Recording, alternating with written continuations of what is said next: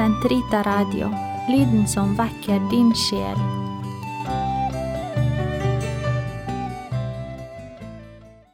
Den katolske kirkes katekisme, uke 39, 2855 til 2865. Fjerde artikkel Den avsluttende doksologi. Den avsluttende doksologi, for riket er ditt, og makten og æren i evighet, tar opp igjen de tre første bønnene i Fader vår.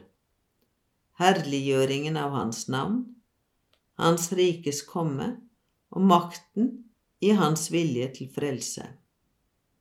Men denne gjentagelsen gis nå tilbedelsen og takksigelsens form, slik det er i den himmelske liturgi. Denne verdens fyrste tilla seg selv løgnaktig tre titler forbundet med kongevelde, makt og herlighet. Kristus Herren gir dem tilbake til ham som er hans far og vår far, inntil han overgir riket til ham når frelsens mysterium endelig er fullbyrdet og Gud blir alt i alle.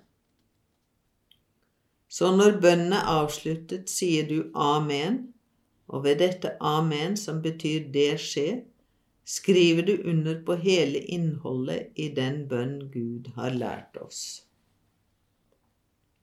Kort sagt, i Fader vår er det Faderens herlighet som er gjenstand for de tre første bønnene, at navnet må holdes hellig, riket komme og Guds vilje skje. De fire andre frembærer våre ønskemål for ham. Disse bønnene angår vårt liv, at vi må ha næring for det, at det må helbredes for synd, og de behandler vår kamp for det godes seier over det onde. Ved å be Helliget vorde ditt navn går vi inn i Guds plan, helliggjørelsen av Hans navn, åpenbart for Moses, deretter i Kristus, ved oss og i oss, liksom i hvert folk og i hvert menneske. Ved den annen bønn tenker Kirken først og fremst på Kristi gjenkomst og Gudsrikets endelige komme. Den ber også om at Guds rike må vokse i vårt livs i dag. I den tredje bønn ber vi vår Far at han må forene vår vilje med sin Sønns, slik at hans frelsesplan kan fullendes i verdens liv. I den fjerde bønn gir vi ved å si gi oss, sammen med våre søsken uttrykk for barnlig tillit til vår himmelske Far. Vårt daglige brød betegner den jordiske føde som er nødvendig for å leve, men også livets brød, Guds ord og Kristi legeme.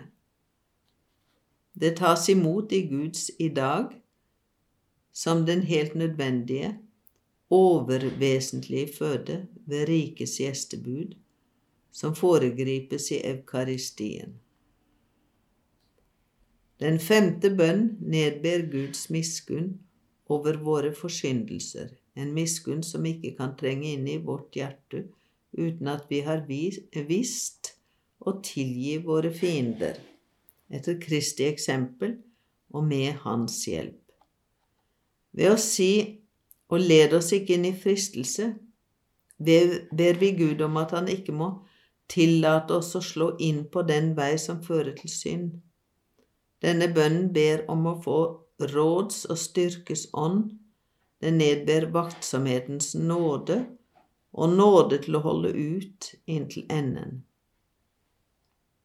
I den siste bønnen, men fri oss fra det onde, ber kristenmennesket sammen med Kirken Gud om å la den seier komme for en dag som Kristus allerede har vunnet over denne verdens fyrste, over Satan, den engel som personlig står Gud og hans frelsesplan imot.